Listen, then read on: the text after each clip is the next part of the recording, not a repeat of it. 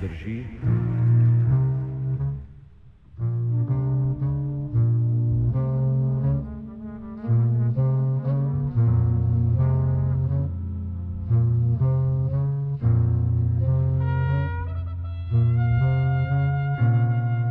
Registracija alternativnih verskih skupnosti v Sloveniji.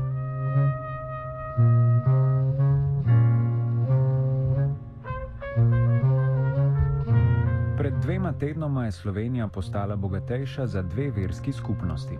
Obstoječim 44 sta se pridružili novo nastala vse vesolna zombi crkva Blaženega zvonjenja in upasana sanjava prostost duha, svetovno-nazorska kozmološka skupnost. Registracija obeh verskih skupnosti je v nekaterih javnih krogih dvignila nemalo prahu. V Zavodu za družino in kulturo življenja, ki sicer nastopa kot think tank, tank katoliške cerkve, so se na registracijo obeh omenjenih skupnosti ogorčeno odzvali in jo nemudoma označili za žalitev tradicionalnih verstv.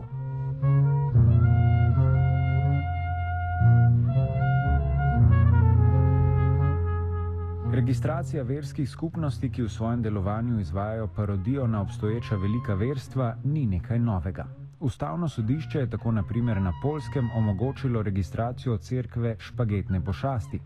Znani pa so tudi primeri rastafarijanskih verskih skupnosti v Italiji.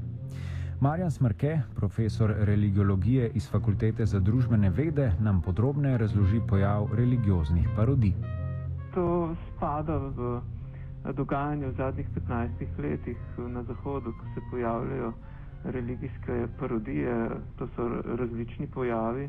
Eden takih eh, so naprimer eh, tisti eh, državljani različnih držav, predvsem angliško govorečih, ki so se na popisih prebivalstva izjavili za Jedije, torej za pripadnike kulta, ki se navezuje na Star Wars, na televizijsko nadaljevanko ponekod v Angliji in Velsu jih je bilo kar nekaj deset tisoč, zlasti v začetku tega tisočletja jih je bilo veliko, potem je pojav pa počasi upadal. Tu so bile potem nekatere verske skupnosti, cerkve, ki so bile registrirane, ki so tudi nosile ta pečat, torej nekakšne parodije na običajne religijske pojave, kot je naprimer cerkev pošasti letečih vesolnih špagetov. Uh, po mojih informacijah je bila ta na zadnje registrirana celo na polskem, kljub uh, odporom rimsko-katoliške cerkve. Torej ta pojav je zanimiv, ker je ne, nekakšen komentar k dogajanju na religijskem prizorišču, gre za kritiko, ki izraža nezadovoljstvo nad nekim pojavom, naprimer Eh, nad eh, napori kreacionistov, da bi eh, prodrli v javno šolo ali kaj takega. Tako da me nek temu primerljiv pojav v Sloveniji ne čudi. Zdi se, da je urad za verske skupnosti deloval po zakonu, namreč po 18. členu zakona o verski, skupno, zakona o verski svobodi bi smel uh, oporekati prijavi nekemu takemu pojavu, če bi ta pojav uh, spodbujal k neenakopravnosti in nasilju. Na državljanih pa je, da presodijo, koliko je ta pojav resen in koliko ne. Uh, tudi v politiki imamo na vse zadnje upraviti z parodijami na politične stranke. Neke take pojave smo imeli tudi pri nas tekom predsedniških volitev. Eh, teh pojavov pač ni mogoče prepovedati. Širom Evrope je bilo v zadnjih uh, desetih letih, naprimer, ali pa več dvajsetih, kar nekaj uh, političnih pojavov, ki so parodija na politiko in jih moramo kot take imati, ne da se jih pa prepovedati.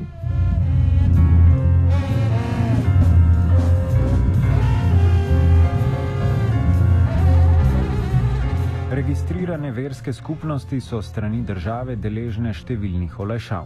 Skupnosti so oproščene plačevanja nekaterih davkov in prispevkov državi, v določenih primerjih pa so tudi upravičene do določenih državnih sredstev. Prav to je dan danes glavni očitek novo nastalim verskim skupnostim, vendar naš sogovornik Smrke opozarja, da so to vrstne sodbe lahko zelo dvolične. Ti, ki parodirajo običajne religijske pojave merijo tudi na prej omenjene zlorabe religijskega naslova v druge namene. Nekaj takega bi na vse zadnje lahko tudi marsikateri ustaljeni veliki verski organizaciji učitali, na vse zadnje so se tudi pri nas uh, osrednje osebnosti največje cerkve ukvarjale ne z religijskimi dejavnostmi, ampak z marsičem drugim in to jih je pripeljalo v hude zagate, kot vemo.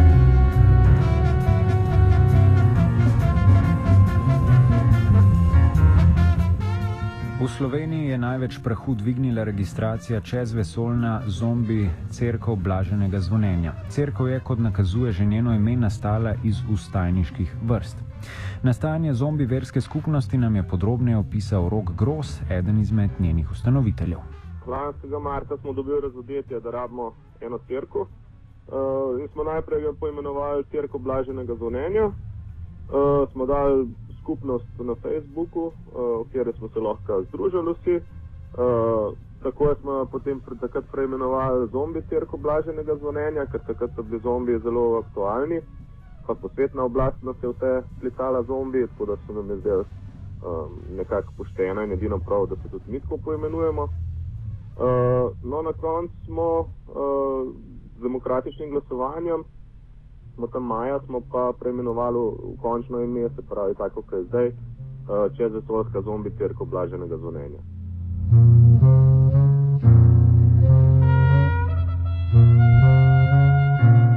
Čez vesoljna zombi crkva blaženega zvonjenja poskuša svojo strukturo posnemati nekatere že uveljavljene religije. Poleg svetih knjig poznajo vse ključne organizacijske strukture velikih verstov, s tem ustrezajo vsem kriterijem, ki jih zahteva država za registriranje verske skupnosti. Tradicionalne verske skupnosti sicer ogorčeno nasprotujejo popustljivim državnim pogojem za registracijo verskih skupnosti. Gros o organiziranosti zombi cerkve pove. Mi imamo nadsvečenike, nadsvečenice, uh, imamo brate in sestre, uh, imamo blažene Marije, in imamo prav vseh uh, ostalih, bom rekel, če bi kdo dobil kakšno razodetje, da je potreben kakšen drug naziv, uh, se da na demokratično glasovanje in se pač o tem odloči. Ne.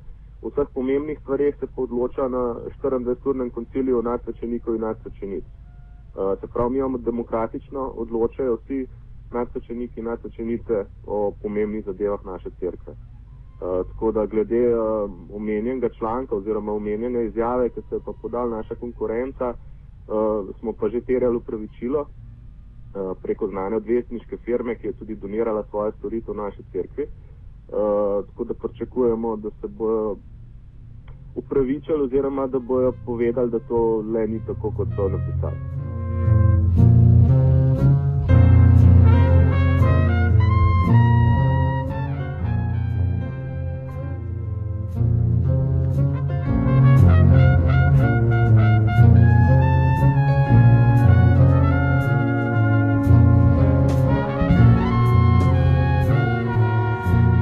Zanimiva je tudi ideja o prostoru za participacijo vernikov v zombi cerkvi. Za razliko od tradicionalnih pristopov s periodičnim sestanjem in strogo predpisanim obredjem, zombi cerkev omogoča zbiranje in interakcijo vernikom kar v virtualnem svetu preko socialnega omrežja Facebook.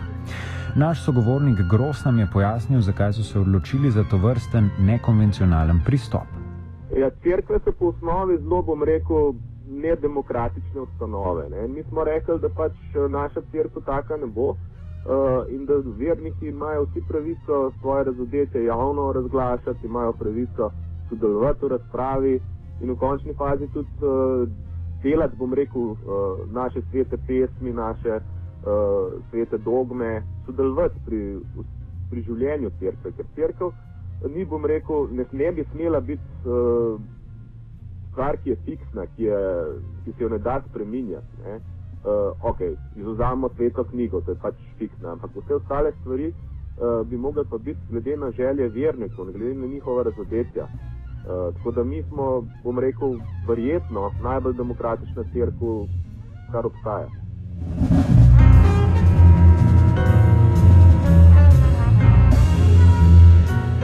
Zombijevska crkva je tako postala prvi uspešen primer registracije verske skupnosti po pravnih normativih, čeprav ta verska skupnost ni posem avtentična v svojem bogoslužju.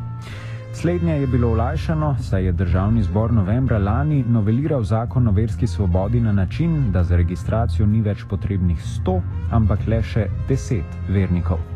Noveliranju zakona so tedaj najbolj nasprotovali socialni demokrati, ki menijo, da novela ni celovito uredila področje verske svobode, saj je zakon le usklajevala z ustavo.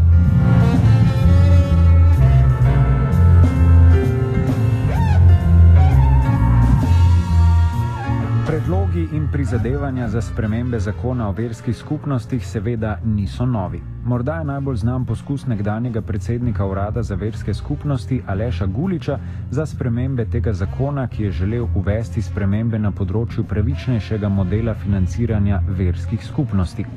Aleš Gulič nam je natančneje opisal ključne spremembe, ki jih je uvajal njegov predlog. Takrat, ko sem jaz direktoroval na uradu za verske skupnosti, bila uh, v je bil eh, sedaj veljavni zakon, zakon o verski svobodi eh, na eh, ustavnem sodišču. No, mi smo čakali kar nekaj časa, da je ustavno sodišče odločilo in v tem času nismo eh, spremenjali zakona. Ko je ustavno sodišče odločilo, kako je odločilo, eh, smo šli pa popravljati obstoječi zakon.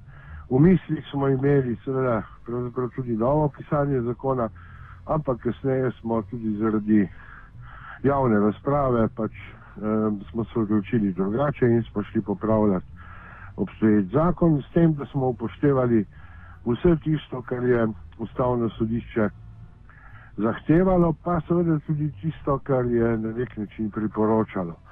Um, glavne zadeve so bile seveda registracijske zahteve, se pravi, kdaj se lahko verska skupnost uh, v Sloveniji registrira. To smo eh, spremenili v predlogu, pa ker je bila zahteva tako močna, smo pravzaprav tudi eno versko skupnost že registrirali samo s uh, tem, da um, se je pač podpisalo 20 ustanovnih članov oziroma um, dalo seveda na upravnih enotah uverovljene svoje podpise. Eh, druga stvar je, bila pa, je bilo pa seveda financiranje, um, ker je v tem času začelo veljati tudi druga, drugačno popisovanje prebivalstva v Sloveniji, kjer osebne okoliščine niso um, sestavni del tega vprašalnika, smo se odločili, da za financiranje uporabimo predvsem razmerje med dohodninskimi odstopi. Se pravi, koliko um, dohodninskih odstopov ima kakšna verska skupnost, uh, tako bi delili tudi pogačo, ki je bila na nek način obljubljena. Seveda bi šlo to vsako leto uh, čez parlament in če bi se parlament odločil, da financira verske skupnosti z, nekom, z, um, z nekim denarjem, bi se ta denar pač delil potem po razmerju, kakršnega bi v prejšnjem letu pokazali dohodninski odstopi. To so bile recimo takšne glavne zadeve, pa seveda tudi to, da se izenačijo uh, in uh, verske skupnosti in druge svetovno-nazorske, se pravi, da gre ne samo za uh, versko svobodo, ampak tudi za svobodo vseh prepričanj. Zdaj, takrat je seveda bil zakon pravzaprav tik pred tem, da bi prišel že v drugo branje, ampak eh, najprej je padla vlada, gospoda Pahorja, potem seveda je bil razpuščen parlament in um, ob tem, da se je seveda ta druga seja podaljševala in se je odlagal njen dokončni sklic, je zakon obvisel v parlamentarni proceduri. Potem, um, seveda v času druge vlade Jane Zajaše, je um, ta zakon bil ponovno uložen, ampak je seveda zaradi uh, koalicijske premoči takrat pač padel. Ampak tekst in duh zakona seveda še vedno obstajata in jaz mislim, da bi bilo seveda pametno na en na tak način zadevo tudi rešiti.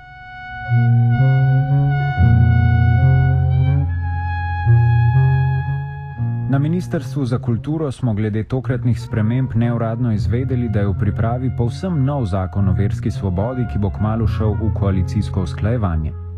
Iz aktualne koalicijske pogodbe sledi, da se obetajo spremembe modela financiranja verskih skupnosti iz javnih dejatev in da se bo izvajanje duhovne oskrbe v državnih ustanovah uskladilo z ustavnimi načeli enakopravnosti vseh veroizpovedi. Ustavno sodišče je namreč 15. aprila 2010 odločilo, da so členi, ki se nanašajo na zaposlovanje duhovnikov v zaporih in javnih bolnišnicah, protiustavni.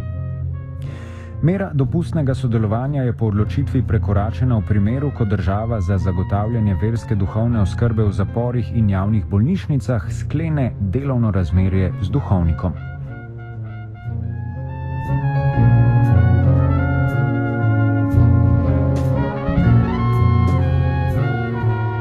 Trenutno še ni znano, ali to pomeni, da bodo verske ustanove z več kot tisoč verniki izgubile svoj privilegiran položaj, po katerem njihovim uslužbencem državni proračun krije slabo polovico socialnih in zdravstvenih prispevkov. Prav tako še ni jasno, ali bo liberalizacija ustanavljanja verskih skupnosti tem omogočila kakšne davčne privilegije, kar bi lahko vodilo v inflacijo organiziranega verovanja.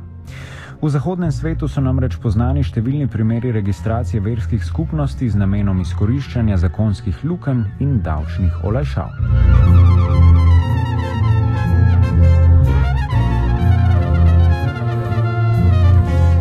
Tradicionalne verske ustanove bo pri novem modelu financiranja verjetno najbolj zmotilo dejstvo, da se v državnem proračunu ne bodo proporcionalno povečala sredstva namenjena za verske ustanove, tudi če bo število registriranih verskih skupnosti naraslo.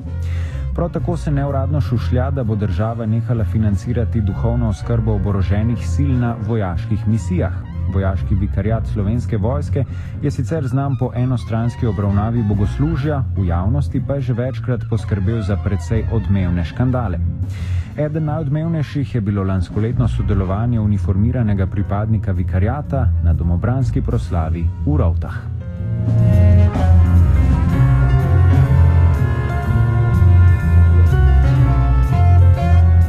Po eni strani se nam torej obeta liberalizacija ustanavljanja verskih oziroma svetovno-nazorskih skupnosti, po drugi pa bodo verjetno postavljeni strožji kriteriji, po katerih se te financirajo iz državnega proračuna.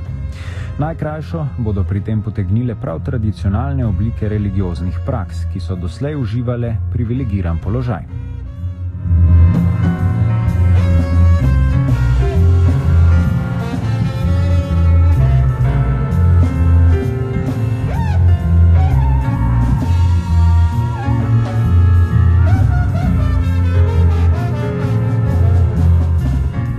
Kultivator sta pripravila vajenec Martin in Luka Tetičkovič.